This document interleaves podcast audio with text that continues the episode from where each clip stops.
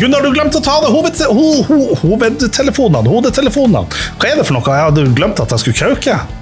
Um, jeg var et uh, distré et lite, Du, distré, ja. et lite øyeblikk, og så, um, og, og så hadde vi en liten samtale før vi begynte, og sånt, og jeg tenkte kanskje det her er dagen det skjer.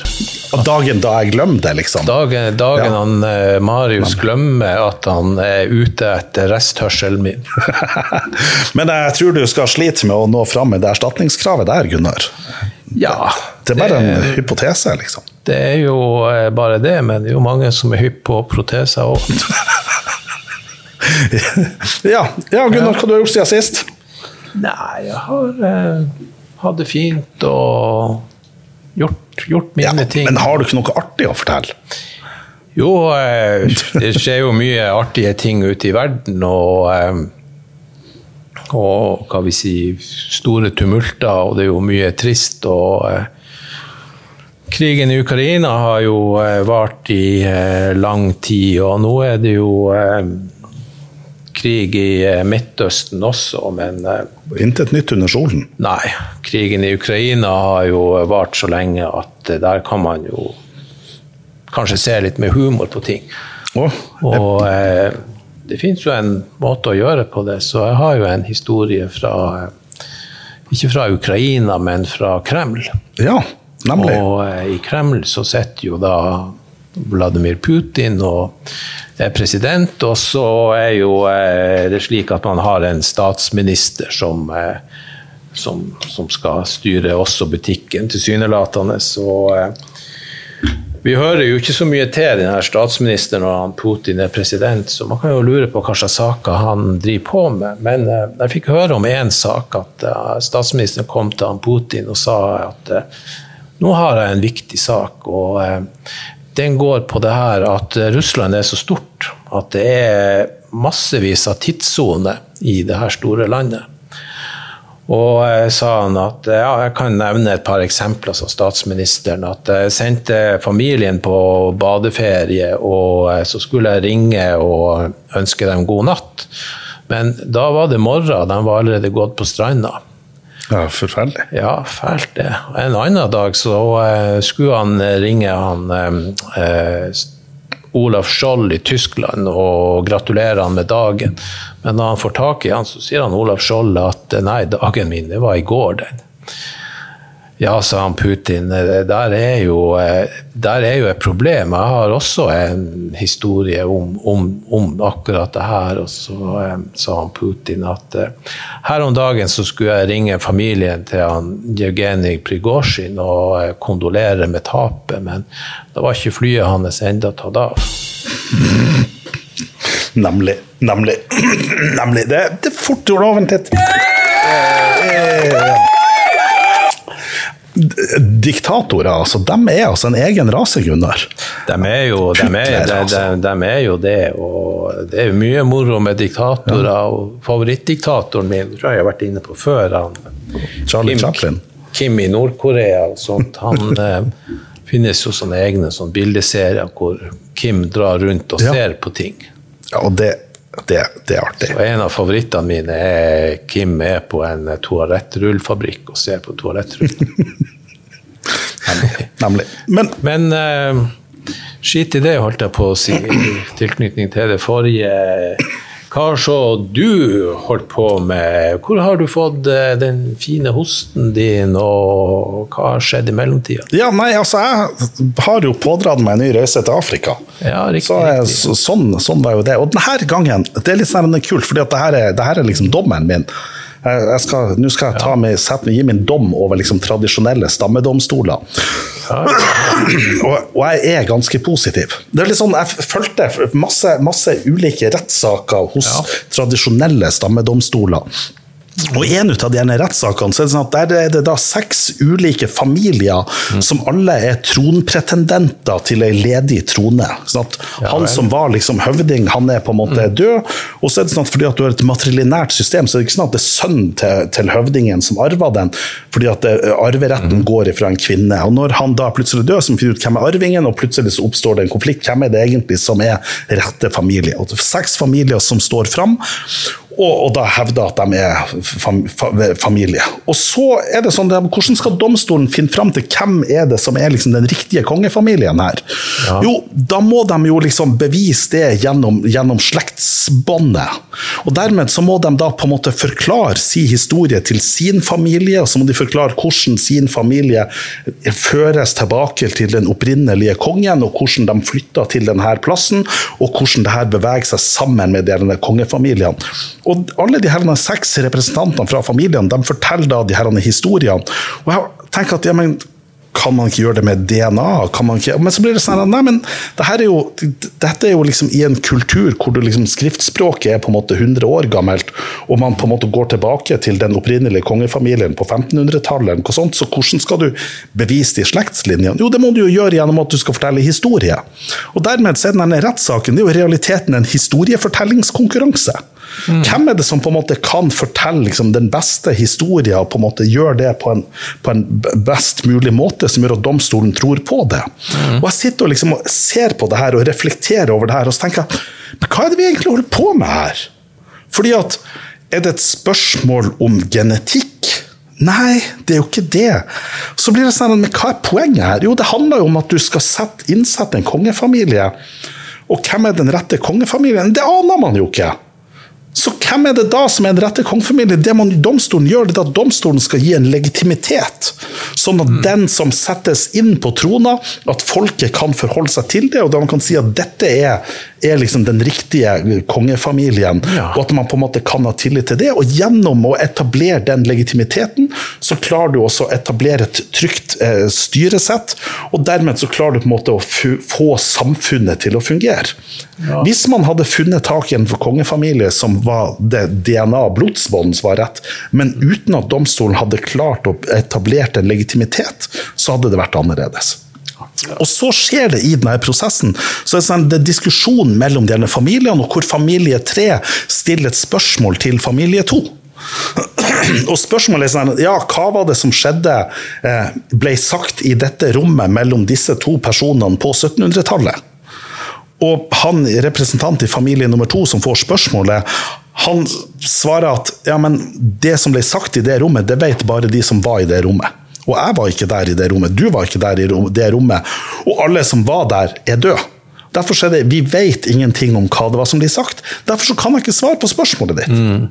Så... Eh var det noe innslag av åndenes makt der? Nei, nei ikke, ikke, ikke ennå. Men det som da skjer, er at, er at, at da tar domstolen, domstolslederen i den prosessledelsen, så irettesetter han familie nummer to. Så sier de det at du er blitt stilt et spørsmål. Mm. Du må svare på spørsmålet. Og så sier han ja, men jeg vet jo ikke svaret. Og så sier domstolen ja, men du har fått et spørsmål, du må svare på spørsmålet. Ja, nettopp. Så eh familiene tar og kjører hverandre opp i eh, sånne hjørner, eh, og så tar eh, prosessledelsen og på en måte sjalter dem ut? Ja, men det som er det, det at han her han er familie nummer to, det er han som etter min, basert på mitt judisium, basert på ganisk tradisjonell rett, jeg mener at det er den som kommer til å vinne saken. Jeg mener han var den, mest, mener, han var den legitime tronarvingen.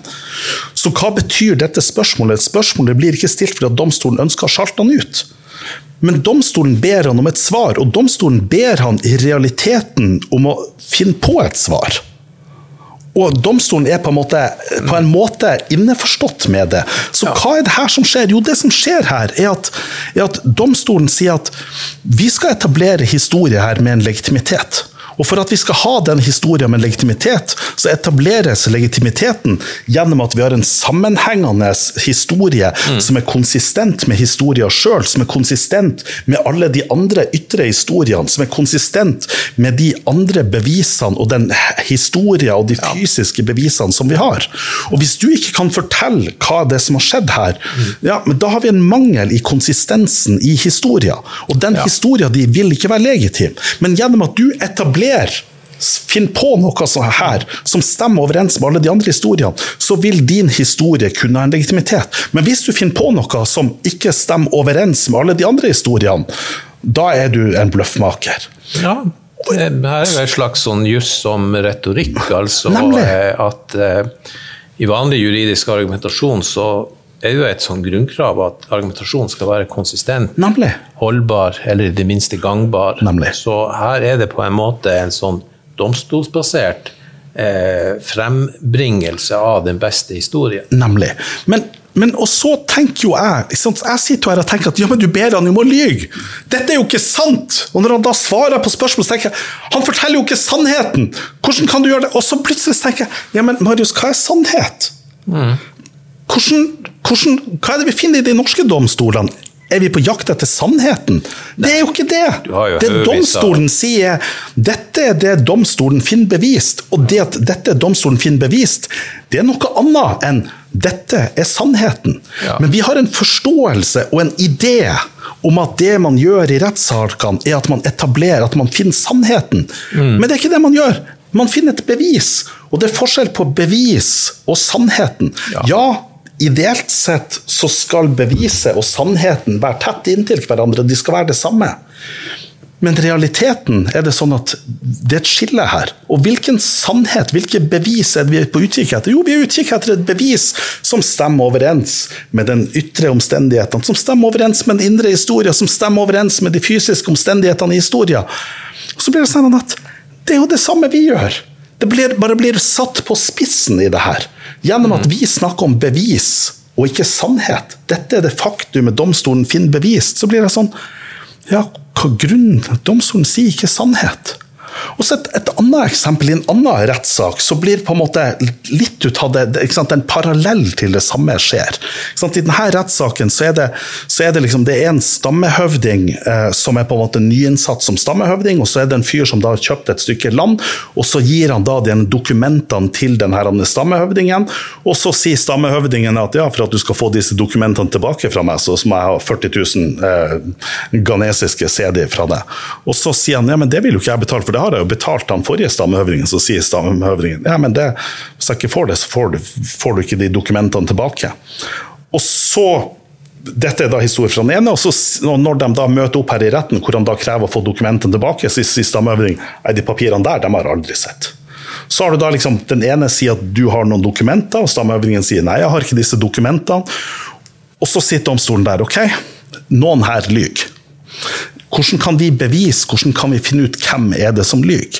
Skal vi som domstol si at denne høvdingen er den som lyver? Det er jo vanskelig, men samtidig så har du et vitne som er en stammehøvding i en annen landsby, som var sammen med han og ga delen papirene. Så at du har to stammehøvdinger som på en måte står, står mot hverandre. Hva gjør domstolen? Og jeg sitter her og er kjempeinteressert. Og så kommer svaret. Jo, vi skal gjennomføre en spiritual consultation. Og Dermed så blir da partene i saken de blir da henta sammen med en av rettens medhjelpere. og De da drar, og de går og setter seg i en bil, og der kjører de ut av byen for å dra opp til en prest oppe ved sikkert ved Elveguden, og for å på en måte få avklart det her. Og Så blir spørsmålet hva er det som skjer der? Og Det vet vi ikke, men det vi får vite, det er at når de kommer tilbake derifra, så vil det komme fram et svar, og svaret vil være hvem er det som har dokumentet. Og da har vi fått en avklaring. Spiritual consultation. Og så tenker jeg Spiritual consultation, det her er jo galskap. Og så begynner jeg å tenke på har vi noen paralleller til det her i vårt rettssystem. Hva kan spiritual consultation sammenlignes med vårt rettssystem? Og så tenker jeg rettspsykiatrisk sakkyndige, Gunnar. Rettspsykiatrisk sakkyndige. Det er jo det. Her har du et spørsmål. Den ene sier at han er, at han er sinnssyk gjerningsøyeblikket, andre sier at nei, han er ikke sinnssyk gjerningsøyeblikket. Domstolen må ta stilling til det. Domstolen sier han, hva jeg vite om det her? Hvordan skal jeg ta stilling til det her? Jeg kan ikke ta stilling til de her bevisene i denne saken. Jeg må, jeg må kontakte noen andre. Vi, vi, vi, la, oss, la oss får en rettssakkyndig til å følge dem ut og ta dem opp til en ekspert for å høre med åndene, denne rettspsykiateren, som på en måte setter seg ned og snakker med partene og lytter til sin kunnskap. Og det er klart, og Jeg har på en måte jobba med psykiatri i noen år, og jeg har på en måte lest den psykiatriske forskning, og jeg tenker at ja, hva er bevisbyrden, hva er på en måte det kunnskapsgrunnlaget den rettspsykiatriske rapporten kommer på? Jo, er en, den er jo en kvalifisert synsing. Altså, det, er ikke, det er jo ikke en eksakt vitenskap, utfallet fra den rettspsykiatrisk sakkyndige. Det er jo en kvalifisert synsing. Og så tenker jeg, ja, og er det ikke det som kommer fra the spiritual counseling når de har møtt presten oppe ved dammen?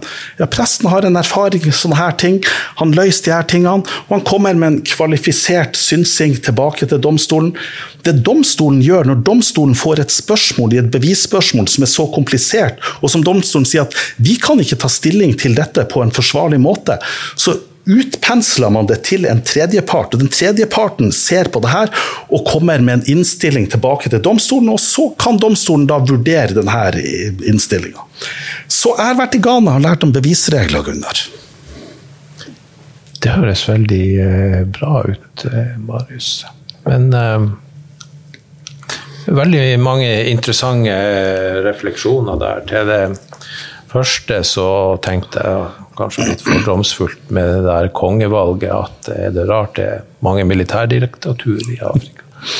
Jo, men, men, og det kan jeg jo på en måte si at, fordi at Det som er liksom fascinerende i det her, det er at du har på en måte et, et system her. Mm. Fordi at Du har på en måte disse kongefamiliene, men du har et, et hierarki av disse kongefamiliene inne der. Og, og på toppen av dette hierarkiet så sitter Asante-kongen. Eh, han var dessverre ikke der når jeg var der, han var i Skottland når jeg var der, var der nå. Mm. Så jeg fikk, ikke, jeg fikk, ikke, møtt ham, men jeg fikk møtt registraren hans, og sånn, og han, han sa det at neste gang han kom tilbake, så måtte vi få det til sånn at jeg fikk møtt kongen. Så det ser jeg jo fram til. Så det er det du skal selge inn din neste Ghana-tur på hjemmebane med? Ja, nemlig. Du snakka med registraren, og neste gang skal du møte Asante-kongen. Nemlig. nemlig. Ja, så tenker jeg, at, jeg tenker at det er veldig viktig å få, å få møtt Asante-kongen. og det, det, Jeg mm. har noen viktige forskningsspørsmål å stille til han. Altså. Yep, yep. Ja. Så eh, hva slags svar forventer du at Asante-kongen kan gi deg? Nei, Først så må jeg få skrevet ned spørsmålene mine. Og, og, og, før det så må jeg få skrevet ferdig noen av de her funnene på de her bevisreglene som jeg har funnet her. Mm. Men du Gunnar, nå skal vi bevege oss bort fra Afrika, skal vi det? Vi skal bevege oss bort fra Afrika. Altså, jeg, jeg, kunne jo bli, altså, jeg har mange flere historier, men jeg bare tenker at vi, ja, ja. vi, vi, vi skal også ha Signe inn som gjest senere, og der avslørte jeg det. Og, så, hva, er det du, hva er det du har med deg i dag? Nei, altså, jeg føler jo på en indre tristesse og sjelelig ørken for at jeg kommer med en um, avgjørelse fra Hålogaland. Det er en ting jeg tenker på, Gunnar. Det er det at lytterne våre For når jeg hører på, ja. hører på liksom podkast, så bruker jeg å skru opp volumet Nei, ikke volumet, men jeg bruker å skru opp farta på podkasten. Ja. Og så har jeg av til tenkt på det, lytterne våre. Når jeg da prater, så har de kanskje behov for å skru opp farta til 1,25 eller noe sånt. Men så begynner du å snakke, så tenker jeg, er det noen som regulerer farta på hvordan vi snakker opp og ned, tror du det? Det tror jeg helt sikkert. Og jeg, jeg tenker at eh, hver har eh, sin stil, og når du har tekniske hjelpemidler som kan ta også, også på en måte forhindre at folks tid blir kasta unødig bort, hva er, hva er bedre enn det? Det er jo bare bare helt herlig. Nei, Marius, nå skal vi eh, over til sivilprosess fra Hålogaland eh, lagmannsrett.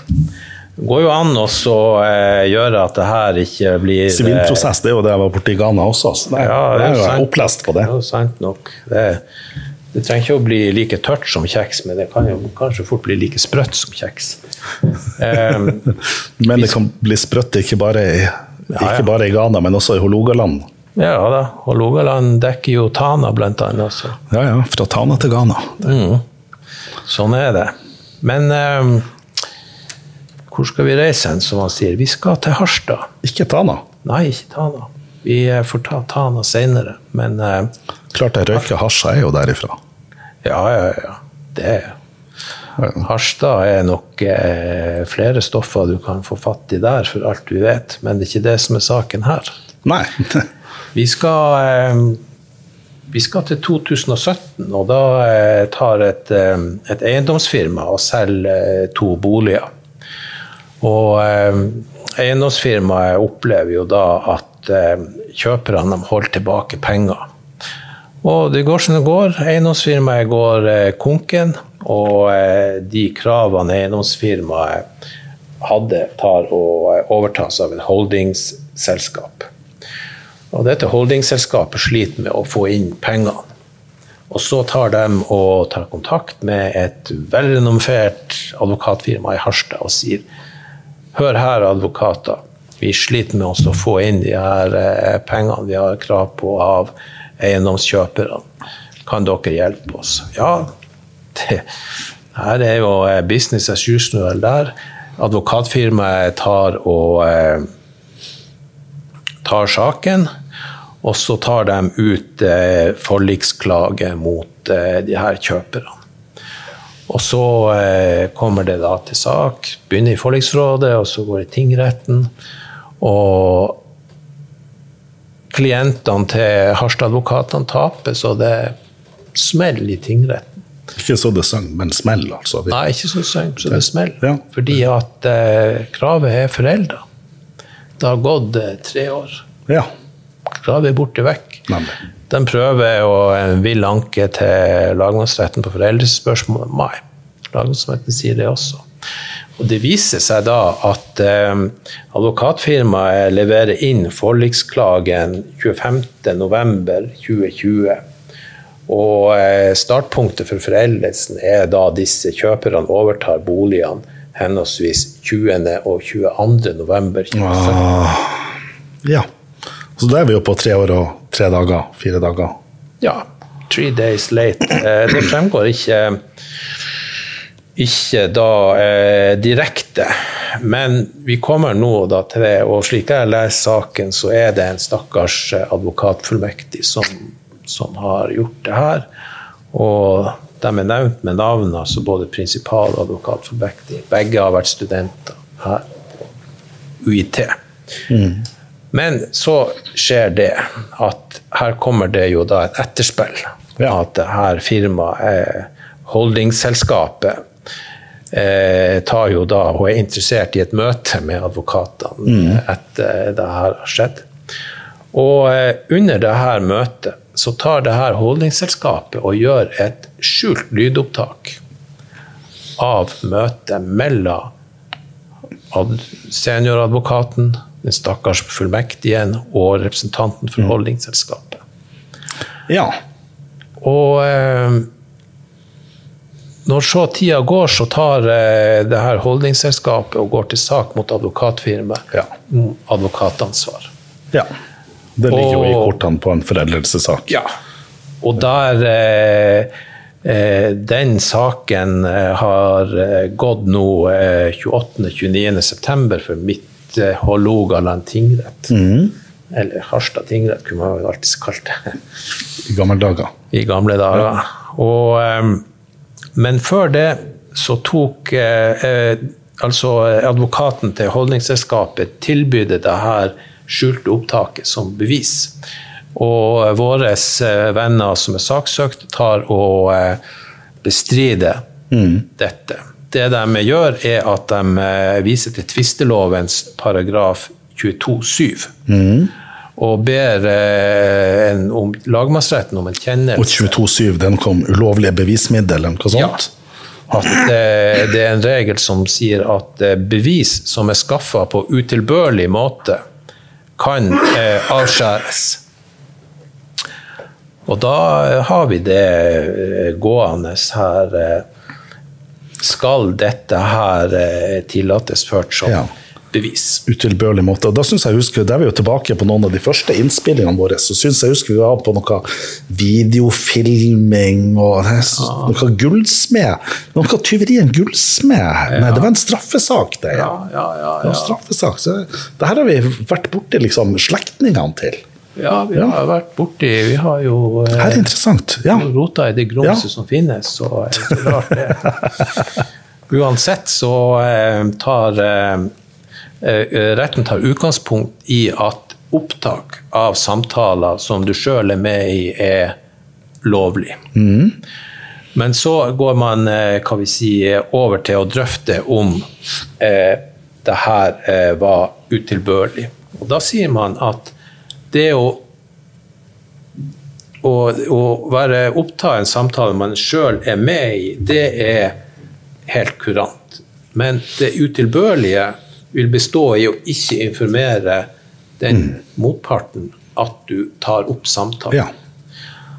Og eh, de tar også og sier at eh, eh, å gjøre noe sånt, det er på en måte illojalt overfor den annen part du deltar i en samtale med. Fordi et eh, viktig motargument her er jo da at den som tar opp samtalen, gjør det nettopp med den hensikt å bruke det som bevis, mm. og kan da styre samtalen mm. i den retning man, eh, man, vil, og sånt. Og, og, eh, og få det ønska resultatet. Jeg tok også hadde en gang en kar på kontoret mitt som nok eh, Han gikk litt ut og inn av psykiatriske institusjoner, og han hadde da en forestilling om at hele Tromsø kommune var korrupt. Jeg hadde ikke noen sånn motforestilling mot det. Noe, Men hadde nok, du bevis? det kan nok sikkert eh, være slik at det er sånn der, der og jeg følte meg ubekvem. og Han satt og durte på med den ene ville historien etter den mm. andre. Og eh, så det viser seg Han satt og tok opp det her, men han hadde en sånn gammeldags sånn teipdiktafon. og eh, Så han satt og trakk og røska i meg i den samtalen. Og så begynte det visst å gå på slutten på den teipen. Så på slutten så ble han desperat, så tok han jakken sånn. Så sa han Så du, Gunnar Eriksen, mener at med 100% sikkerhet at Tromsø kommune er korrupt tvers igjennom, og at eh, ordfører, varautfører og formannskapet bør straffes. Så da skjønte jeg jo tegninga. Men det, det, det, gjorde man eh, ikke her. Men med det utgangspunktet det er, altså noen, det, er altså, det er altså noen ting du har opplevd på det kontoret ditt, Gunnar. Altså. Ja, det... altså, vi skulle hatt, vi, vi, vi skulle hatt, sånn vi skulle hatt en sånn eh, spesial på liksom dette dette har skjedd på kontorene. Eller kanskje ikke, jeg tror kanskje ikke at vi kunne ha publisert den. Ja, fortsett. Ja. eh, men så tar eh, lagmannsretten tar og, eh, og, og, og, gjør noe rart. Altså, de eh, finner hva vi sier, under noe tvil at lydopptak er innhentet på utilbørlig måte ved at XXX, uten å opplyse mm. advokatfirmaet om det, tok lydopptaket. Men så tar de også, eh, også eh, de, de, tar også og sier at eh, opptaket har ei preg av å være ei felle, rett og slett. Mm. Men så sier de at eh, samtalen som er tatt opp, er ikke av sensitiv, personlig eller belastende karakter. Det er en samtale mellom forretningsmessige forhold mellom en klient og en advokat. Og advokatfirmaet hadde jo påberopt seg konfidensialitet mellom advokat og klient. Og der sier, eh, lagmannsretten at den konfidensialiteten er ment å beskytte klienten, mm. ikke advokaten. Ja, det er et og, eh, Høres ut som et godt resonnement. Ja. Så eh, med det som, eh, hva vi si, eh, begrunnelse, så tar lagmannsretten og kommer til at eh, begjæring om bevisavskjæring eh, ikke skal tas eh, til, til, til følge. Og man begrunner jo det at beviset er relevant for saken, og hensynet til å oppnå et materielt riktig resultat tilsier at det omstridte beviset tillates ført. Så lagmannsretten tar ikke å vise noen noen eh, forståelse for eh, at eh, dette advokatfirmaet ønsker å ha det beviset ført. Og legg vekt på at det var et ordinært klientmøte og gjaldt forretningsmessige og ikke personlige forhold. Og at konfidensialitetshensynet bare gjelder overfor klienten. Ja, det syns jeg jo er jeg syns jo at det er jo Jeg syns det var en litt problematisk avgjørelse. Ja, jeg jeg syns at Altså, jeg tenker at, jeg tenker at når jeg får inn en student på mitt kontor ja. som ber om en begrunnelse for et sensurvedtak, f.eks. Ja, og så tar studenten opp Og så tar studenten et opptak ut av det. Og så tenker jeg det at når jeg setter meg ned og har den samtalen med studenten i den, altså i den begrunnelsen, mm. så vil jo jeg prøve å formulere meg. Da vil jo jeg prøve å se an hvem er denne studenten, og så vil jeg prøve å forklare ting på en sånn måte at jeg tenker at denne studenten vil forstå det. Og da vil jeg på en måte ha et fokus på å etablere en forståelse hos studenten. Mm -hmm. eh, og dermed vil jeg bruke andre begreper og formulere meg på en annen måte enn det jeg ville ha gjort i en skriftlig, i en skriftlig begrunnelse, f.eks. Nettopp. Så du mener at, eh, at, at, du vil eh, opptre på en sånn måte at du eh, har en sånn beskyttelsesbehov? At du, er en så, at du er en sårbar person, og at du er et offer i det her?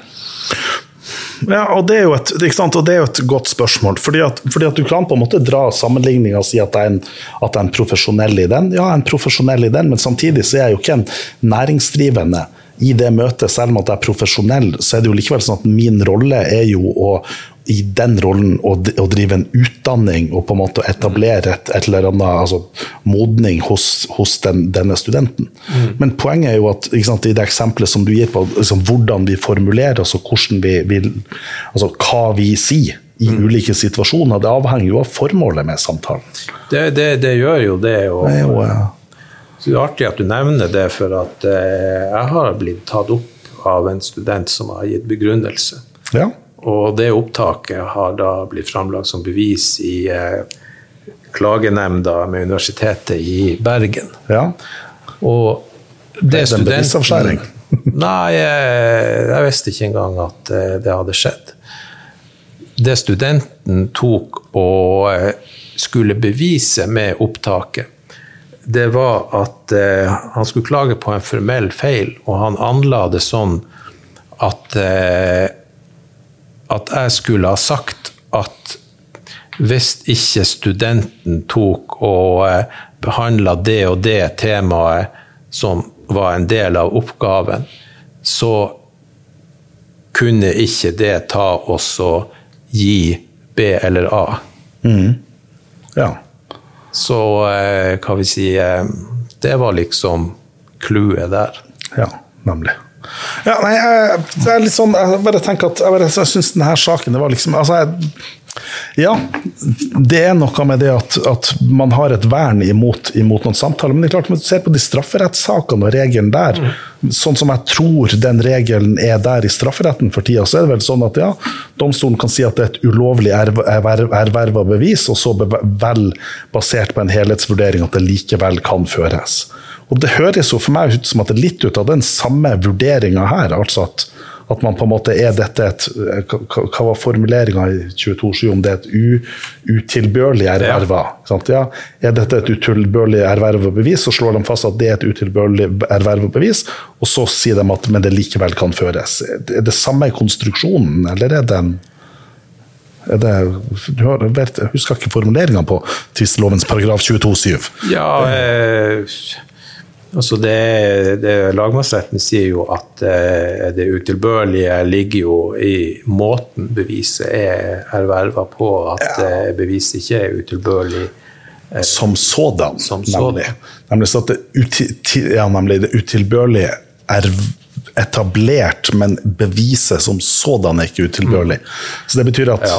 så det betyr at hvis man da hadde hatt et bevis som var et lydopptak som var tatt opp med informasjon som ikke var utilbørlig, så kunne man likevel tenke seg at beviset som sådan var utilbørlig. Ja, ja. Man, eh, her tar man jo kommer med et sitat da fra eh, Skeis tvistelov, som sier at hemmelig opptak av telefonsamtaler man selv deltar i, faller utenfor rammen av straffeloven § 205, rammes ikke av generelle lovregler. Spørsmålet om kriminalisering av slike opptak har vært vurdert med en foreløpig negativ konklusjon. Det klanderverdige ligger i at opptakene er hemmelige. Er motparten varslet slik han var forberedt på at samtalen blir tatt opp, er det ikke kritikkverdig. Mm. Så det er jo sånn når du tar og ringer til Elkjøp for å klage og sånt, og samtalen vil bli tatt opp i opplæringsøyemed. Ja, nemlig. Opplæringsøyemed. Opplæringsøyemed. Ja, så faen, skal vi ha noe på deg, din jævel, hvis du prøver deg på noe mer. Nemlig. Tar en Marius og kommer med Forretningsmodellen er urimelig. ja, nei, men uh, da vet vi det. Og da tror jeg liksom budskapet på det her er jo et eller annet med at kjære alle advokater, pass nå på, husk nå på foreldelsesreglene. Bare tenk at Husk på foreldelsesreglene, og eh, ta nå for guds skyld og, og pass på og, og hjelp de stakkars nyutdanna studentene dere har ansatt som, som, som fullmaktmektige. Det er en fæl og grusom eh, verden der ute, og jeg har personlig sett altfor mange skjebner. Men da skal vi bytte tema fra foreldelse til foreldrelse. Det høres jo helt rimelig og logisk ut.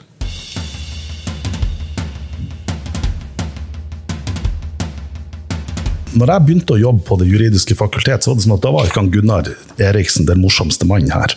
Det var heller ikke meg, men det var han Vegard Helland.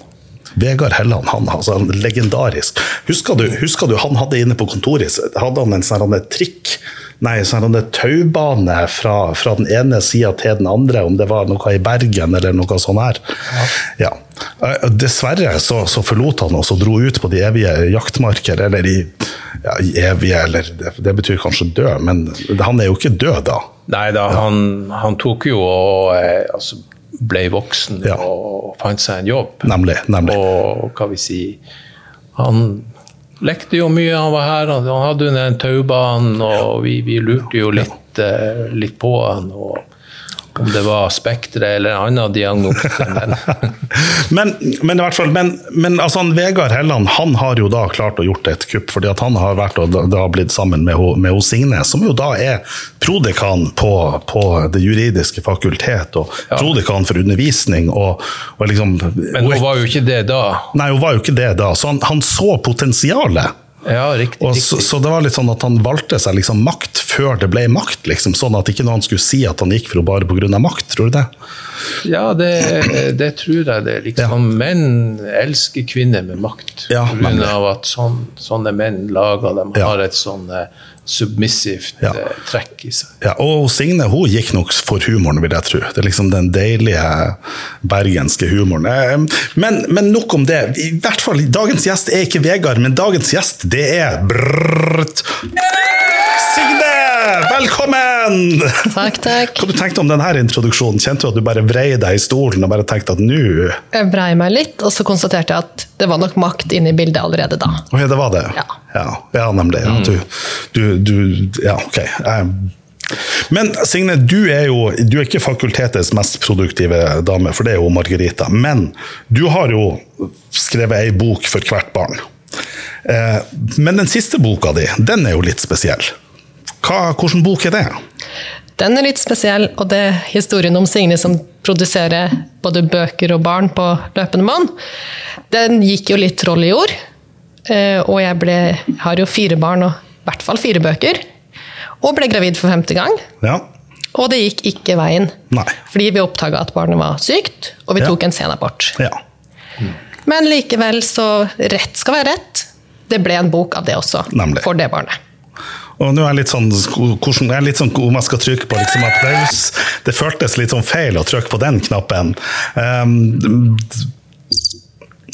ja, det var, det, det var, kanskje mer rett, ja. Men, men altså, du har da skrevet bok om det. Men hva er, det, hva er greia med det her og juss? Fordi at det her er jo da en erfaringsbasert bok. Denne har jeg tatt med meg til Afrika og på en måte prøvd å bladde i og leste i de her øyeblikkene. Og så har jeg tenkt kjære tid, Marius, hvordan i all verden skal du klare med å snakke med Signe om det her? Sånn, Marius, du er en fyr over 40, og du fyr menn over 40 skal nå sive seg inn og begynne å snakke om abort. Så tenker jeg det at hvordan i all verden hvordan i all verden kan jeg komme ut på beina på det her? Så heldigvis, Gunnar, overtar du herifra. Ja, jeg kan, jeg, kan, jeg, kan gjerne, jeg kan, jo gjerne, gjøre det og eh, For du er jo ikke en mann over 40? Nei, jeg er jo ikke en mann over 40. Jeg har jo vært der, så jeg har jo kommet over det. Og kanskje, kanskje gått litt videre, men ja. altså, det er jo ikke det som Det som er poenget, det er jo eh, altså den boka som, som, eh, som du har eh, skrevet, Signe. Jeg tenker jo eh, at eh, at det her har jo vært en, en, en, veldig, en veldig, sterk uh, opplevelse. Og eh, hvordan, hvordan tenkte du at, at, at, denne boka kunne kanskje ta også, også hjelpe andre kvinner som har gjennomlevd et lignende traume og vært i en lignende situasjon? Kan du, kan du si litt om det? Altså, Boka er jo svaret på alt jeg trengte å vite da jeg sto i det sjøl, og som jeg ikke kunne lese noen plass. Mm. Og så har jeg jo holdt på å si, de grunnferdighetene i å skrive og formidle med meg i ryggsekken. Og da følte jeg det bare var rett at noen måtte sette ord på det her. Ikke bare opplevelsene, men også rydde i jussen. Mm. Det er veldig mange juridiske spørsmål som oppstår når du vurderer en senabort etter du har gått igjennom en senabort. Og noen er nødt til å fortelle de her til kvinnene som står i det. For det er en krisesituasjon. Det er veldig vanskelig å sortere informasjon. De vet ikke hvor de skal begynne å lete etter informasjon. Og resultatet er at man, man klarer ikke å tilegne seg informasjon. Mm.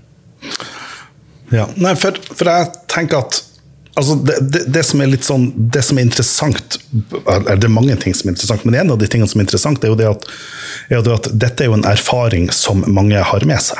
Altså, Erfaringer med svangerskapsavbrudd er noe mange har med seg. Og, og, og erfaring også med et sent svangerskapsavbrudd er også noe som relativt mange har med seg. Men så er det også sånn at men det her er på en måte så personlig, og det er såpass privat.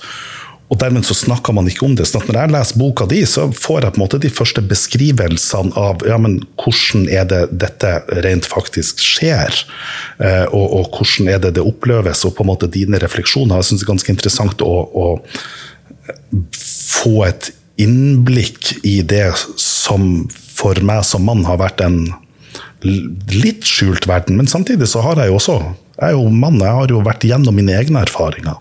Har jo vært gjennom to svangerskapsavbrudd eh, sjøl. Um, og, og, og, og, det på en måte, og det er jo med å forme meg, og de, og de erfaringene i det um, er også med på en måte å forme de refleksjonene rundt det. Um, ja. Hvor vi skal gå herifra? Skal vi gå inn på jussen, eller skal vi tenker, snakke mer om uh, jeg, jeg, tenker, altså, um, jeg tenker jo at uh, å skrive denne boka har nok sikkert vært eh, nyttig for deg, Signe, både i, i, i, sorgprosessen og også eh, med tanken på at med å skrive denne her boka, så tar du også og gjør noe som er, er viktig og et eh, godt eh, arbeid. Og da tenker jeg på at vi, vi kan ta oss og bevege oss mot eh, må kanskje jussen i det her. Og eh, når du sjøl sto i denne her eh, krisesituasjonen, eh, eh, hva, hva, var dine umiddelbare behov som eh, på en måte kunne kobles til altså, altså rettigheter og, og, hjelp og slikt? og eh, hva, hva følte du at du mangla, og eh, hva var på en måte kunnskapsbehovet ditt der og da? Det er ikke få ting, men mye av det som på en måte stred veldig inni meg, var det her at det skulle ikke være min avgjørelse å ta. Etter tolvte uke så skal det bestemmes i nemnd. Mm. Men for å komme til nemnd så må kvinnen bestemme seg på forhånd. Så hun må jo ha tatt valget sitt, og så skal hun komme til nemnd, og så skal det overprøves av en nemnd som skal si om det er greit eller ikke. Det er en av de tingene jeg opplever som veldig utfordrende med den abortlovgivninga vi har nå. I tillegg så er det også det at uh, før hun kommer til nemnd, så får hun bare råd. Altså, hun får litt sånn beskjed om hva som feiler fosteret, hvis det er noe galt med fosteret. Hun får beskjed om hvilket støtteapparat samfunnet kan tilby henne, men det er ingen som sier hva hun bør gjøre. Men etter hun har bestemt seg, så er det noen som skal si hva, hva hun burde bestemt seg for. Mm. Hva slags hjelp kunne du eh, trengt eh, der og da som, som støtte? Har du noen tenkt eh, litt over det? Ville en psykolog eh, kunne ha hjelp? Ville en eh, andre profesjoner vært en støtte for deg? Jeg tror støttebehovet melder seg primært i etterkant. Mm. Fordi at mens man, i hvert fall hvis man tar abort pga. Av avvik hos fosteret, så får man jo tett oppfølging på sykehuset fram til aborttidspunktet. Mm. Men etter aborten er gjennomført, og en senabort foregår i form av en fødsel, så blir du sendt ut av sykehuset. Og der, deretter er det ingen oppfølging, f.eks. Mm. Og hvis vi sammenligner oss med alle andre nordiske land, så er det en lovbestemt rett til oppfølging etterpå. Mm. I Norge har vi ingenting. Nemlig. Men, og jeg tenker at og jeg tenker at det her tror jeg henger sammen med den historikken til abortlovgivninga. For hvis vi, sant, hvis vi går, går, tilbake i, i tid, så sant, du går tilbake på Magnus Lagabøtes landslov, sant, du går tilbake på den, på den eldre lovgivninga, så ser det på en måte det å på en måte avbryte, avbryte et svangerskap, at, at, det er på en måte forbundet med, med straff og dødsstraff eh, i forbindelse med det. Og, og, hvor du da også har på en måte altså Først så får du på en måte en sånn at ja, det, det, det, er straffbart, og så går man over til en sånn fase hvor det vel i praksis ikke er straffeforfølges, men hvor det heller ikke er legalisert. Og så får vi da den svangerskapsloven som da blir kjempa gjennom, og når den blir kjempa gjennom, så er det på en måte med én stemmes overvekt i Stortinget ut ifra hva det jeg hører. Um, og, og, som så skape denne endringa. Og, og de historiene som jeg hører, er jo det at når svangerskapsloven da blir gjennomført eller blir vedtatt i Stortinget, så er det et flertall i befolkninga mot den. Mens ved neste stortingsvalg så skjer det på en måte en endring i befolkninga, hvor befolkninga sin oppfatning endres, og hvor man på en måte nå støtter svangerskapsloven. Og Det er rett sosiologisk det er interessant. Men, det som, men så er spørsmålet men hva er årsaken til motstand? Hva er på en måte de, de, hva er de underliggende problemene her? Og I min forståelse ut av det, så er det, det er to ulike hensyn her. Det ene spørsmålet er at du har, du har et, en, en kvinne, et menneske, som har en kropp. Og så er det spørsmål skal hun få lov til å bestemme over sin egen kropp, og hvorfor skal hun eventuelt ikke få lov til å bestemme over sin egen kropp. Og så er det andre spørsmålet at vi mennesker som lever i samfunnet, vi har, vært, eh, vi har et menneskeverd og vi har en rett til liv. Og vi har vært foster, alle sammen. Og så er det spørsmål men når ble vi til et menneske? Og når ble dette menneskeverdet der? For hvis man har en tankegang om at, om at barnet er et menneske fra en unnfangelse, og si at barnet har et menneskeverd fra da, så får man jo da en konflikt. For da kan du si at ok, hvordan skal man kunne si at dette er en kvinne og et menneske?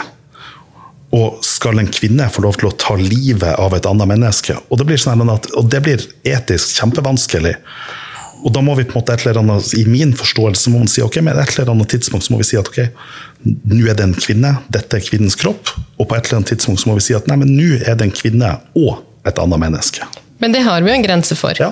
Og det er jo en absolutt grense i den norske abortloven som er satt ved 22 uker. Altså 21 mhm. uker og 6 dager, for å være pinlig nøyaktig. Eh, og deretter kan det ikke innvilges abort dersom fosteret er anses levedyktig. Altså ja. Hvis fosteret har en sånn sykdom som gjør at det aldri vil kunne leve på egen hånd uten mm. å være i kontakt med kvinnens kropp, så vil det ikke være levedyktig heller etter uke yes. 22. Og Der har man bygd inn en sikkerhetsmargin, mm. sånn at det skal ikke være tvil om et foster er levedyktig eller ikke. Men den 21, 21 uker og 6 dager, kom den inn ved den opprinnelige abortloven, eller er den kommet inn senere? Vet du det? Jeg tror den er presisert i forskriften, ja. uten å si for sikkert. Men samtidig så er det jo noe med at teknologien gjør at man klarer å redde barn Nemlig. stadig tidligere. Så man, man, ser jo på det når man fastsetter denne grensa. Eh, men grensa er satt med ganske sikker margin. Og i tillegg så kan man også se på andre hensyn. altså Når begynner et foster mm. å kunne kjenne smerte? Mm. Altså Er det noe som bør være avgjørende for grensa går? Og jeg er jo helt enig i at vi skal ha en absolutt grense for når man kan foreta svangerskapsavbrudd. Men fram til den grensa så er ikke jeg sikker på at det er nemnd som skal avgjøre det. For jeg mener det at en, en nemnd ivaretar ikke det fosteret sin menneskeverd på en annen måte enn kvinnen gjør. Det er ikke sånn at fosteret blir mer verdig bare fordi nemnda bestemmer det, mm. enn om damen bestemmer det. Mm. Ja, for, og for meg så blir det for, altså for meg så er det logisk inkonsekvent å si at man da skal ha nevnt. Fordi at jeg tenker at hvis vi sier at, at menneskeverdet inntrer ved 21 uker og 6 dager, og for meg så må jeg bare si at, at, det tidspunktet for når vi skal si at menneskeverdet slår inn, for meg så blir det et vilkårlig, og det er, det er umulig for meg på en måte å vurdere det. Men, men la, oss, la, oss, la, oss, si det så tenker jeg ok, men da er konsekvensen ut av det at da må vi si at ja, men før 21 uker og 6 dager, ja, men da er det faktisk ikke et menneskeverd. Da er det en del av kvinnens kropp, og da må vi forholde oss til det. Og så tenker jeg det at og da må vi forholde oss til det ut ifra et spørsmål om at ok, dette er kvinnens kropp, og dette er ikke et menneske med et menneskeverd, og så må vi ta en konsekvens ut av det. Og så må vi si at når vi har bikka 21 uker og 6 dager, ja, da er det to personer her. Og da er vi nødt til å ha rettsregler som tar hensyn til at det er to personer. Um, og hvis vi da sier 21 uker og 6 dager, så blir det sånn at ja, da blir det veldig rart.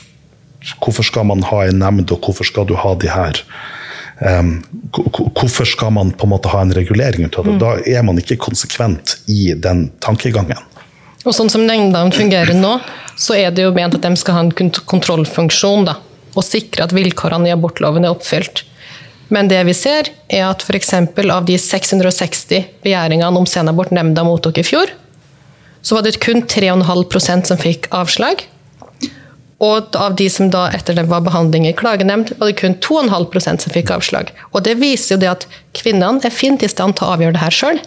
De, de, klarer å analysere vilkårene i loven, og de klarer fint å ta den øvelsen. Vi trenger ikke en nemnd for å overprøve dem. Nemlig. Men, men, det betyr at, men det betyr at av altså at, sant, I fjor så var det 600, og så var det 2,5% og 6 ganger 2,5, så betyr det at det er 15 barn som ble født i fjor? Nei, det vet du Nei, ikke noe om, for vi vet ikke hva som skjer med de. Tenk deg en kvinne har søkt mm. abort, hun har bestemt seg for det. Mm. Hun får avslaget først i nemnd. Mm. Hun går til klagenemnd, får avslag der. Mm. Da er det ikke gitt at barnet blir født etterpå. Da mm. kan man gjerne tenke seg at en kvinne drar til utlandet for mm. å få tatt en abort der. Og så kan du spørre deg, hvis kvinnen har så sterke grunner at hun tenker at det her barnet Eh, bør ikke bli født. Gjerne da sosiale årsaker, når det er så sent og hun får avslag. Så er det jo heller ikke gitt at det barnet får et spesielt godt liv dersom det blir født. Mm. Så vet vi ikke hva det barnet går til. Mm. Ja, nemlig. Ja, og det, jeg syns at, at, det vi snakker om nå, nå syns jeg vi på en måte vi klarer å røyse opp en del ut av de mm. prinsipielle problemstillingene og en del ut av de tingene som, som gjør denne diskusjonen så vanskelig.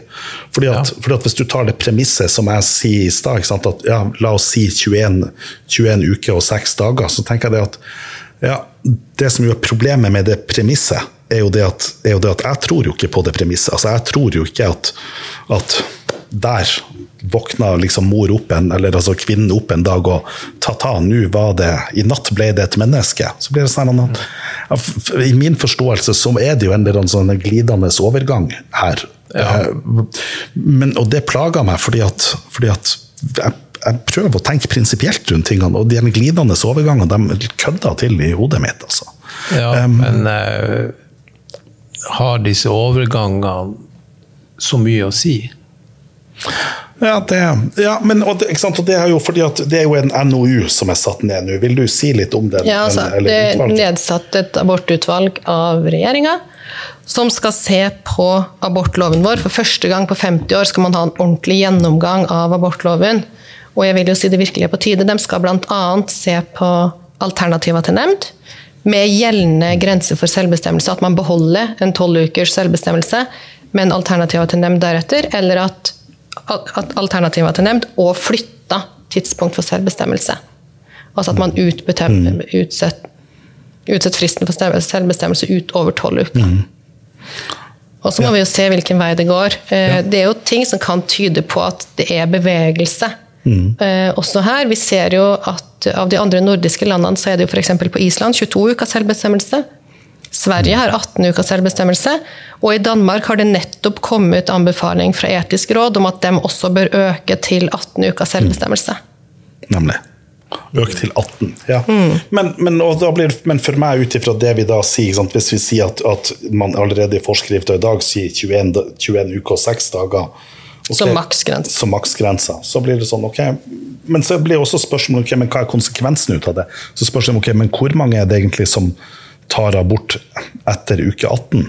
Og så er det spørsmålet om når noen tar abort uke etter uke 18. Så er det spørsmålet hva er det som er årsaken til det? Er det ikke da pga. en eller annen vektig grunn? Altså, jo, altså, jeg tenker at de, de, aller fleste, Hvis man skal gjennomføre en abort, så vil man jo helst gjennomføre den så tidlig som mulig. Ja, og det er det tallene viser. Ja. At stadig flere kvinner gjennomfører abort tidligere og tidligere. Eh, og det er sånn at også antall aborter på sosialt grunnlag går ned, mens antall aborter som foretas på grunnlag av fare for sykdom eller skade hos fosteret, går opp. Og det henger jo sammen med den teknologiske utviklinga, at vi har flere muligheter for fosterdiagnostikk. Nemlig. Men Da husker jeg ikke engang hva du sa. Nei, det husker ikke jeg heller. Nei, altså det er jo, men, men det, det, som, det som var min, min tankegang, mitt spørsmål, det er at hvis vi da, hvis vi da ser for oss at, at det blir foreslått uke 18, så tenker jeg det at ja, men hva, hva er grunnen til at man sier 18 og ikke 22? Jeg tenker at er det Det knytter seg nok til muligheten for å inngå et politisk kompromiss, tenker jeg. Fordi at det er ingenting som tilsier at kvinnen skal være mindre i stand til å bestemme i uke 19 enn i uke 17. Eh, Og uansett så har jo abortloven sånn som vi kjenner den i dag, et progresjonskrav at jo lengre ut du kommer i svangerskapet, jo sterkere skal grunnene være. Og sånn som det er nå, så er det etter uke 18 så skal det være særlig tungtveiende grunner. Og det er jo ofte f.eks. fosterskader som oppdages da på den ordinære ultralyden rundt uke 18, som gjør at man vil få sene senaborter nærmere 20-ukersgrensa. Ja. Men, men det er interessant med det politiske kompromisset. fordi at Jeg har lest noen analyser hvor man sier at, altså hvor man påpeker at det var når Kjell Ingolf Ropstad var, var minister for et eller annet, og det var den spørsmål om fosterreduksjon, hvor han sier at ja, klarer du én, så klarer du to. Um, og, og, hvor, og hvor han så var den som i den diskusjonen på en måte rørte ved den politiske enigheten man hadde. Man hadde en politisk enighet om at vi har en abortlov og den lar vi være å, å røre. Og plutselig så får du en, den KrF-statsråd som da kommer inn og på en måte pirker i den. Og når han har pirka i den, så får du åpna opp for en politisk diskusjon. hvor man sier å ja, å ja, vi skal diskutere det her, men det er greit. Det kan vi godt gjøre. Og så er det jo spørsmålet om hvor er det vi ender da hen, for det er et politisk kompromiss. Og det, Det er jo slår nok ikke ut, sin- det slår ikke ut i positiv retning for han. Nei, det Nei. Tviler vi jo på. Og så er det jo, viser jo det på en måte hvordan er det vi lager lover, og hvordan er det vi lager Ja. de her tingene. Det, det er vel som å lage pølse, det er ikke alltid du vil vite hva det er som skjer. Nei, det er jo ikke alltid du vil vite hva som, eh, hva som skjer. Og um... Laga pølse, det var en pønn unintended, altså. ja da, den eh, tenker jeg den får vi bare la gli forbi. Men eh, jeg tenker jo eh, Jeg har ikke fått lest boka, fordi at han, eh, Marius har jo Kapra den, tatt med seg til Afrika. den, tatt med seg til Afrika og eh, passa, passa på den som en sånn liten skatt. Men eh, jeg er jo en, engasjert i temaet. Jeg tenker å, å spørre deg at det, det her problematikken har jo ei side til fosterdiagnostikk. Så tar du og tematiserer det i boka. Altså, jeg tematiserer ikke de etiske problemstillingene med fosterdiagnostikk, men jeg tematiserer jo hele altså, Ja. hva går det ut på? Fordi at I tillegg til at jeg har en del forklaringer, altså folkeliggjøring av jussen, så har jeg en del folkeliggjøring av medisinen. Som forklarer altså rent medisinsk for kvinner hva som foregår. Så det er jo ment på en måte å være sånn allmenndannelse i den boka, så du bør lese den, Gunnar. Ja, Og den skal ikke bare være til kvinner, men den skal være til andre som holder på med juss. Altså politikk. Leger som jobber med det, er ikke nødvendigvis informert om hva det handler om. Hva skjer etter at dama drar hjem? De vet ikke alt som foregår. Jeg tenker Det er veldig viktig å få det her på bordet, fordi at abortdebatten er ofte så unyansert og full av stygge kommentarer at jeg tenker det er viktig å lese det her. Den dagen jeg fødte mitt døde barn, var det en politiker som tok en magebilde av seg sjøl og la ut på Facebook og skrev at ja, dette er barnet mitt, og så stort er det, og det har et navn, og det kan høre pappa synge. Men det kunne mitt barn også, men vi tok en avgjørelse en annen vei. Med det så tror jeg vi lar det være siste ord. Tusen takk, Signe. Takk for at dere hører på Juss og Joss, og les boka til Signe. Den heter Scenebort.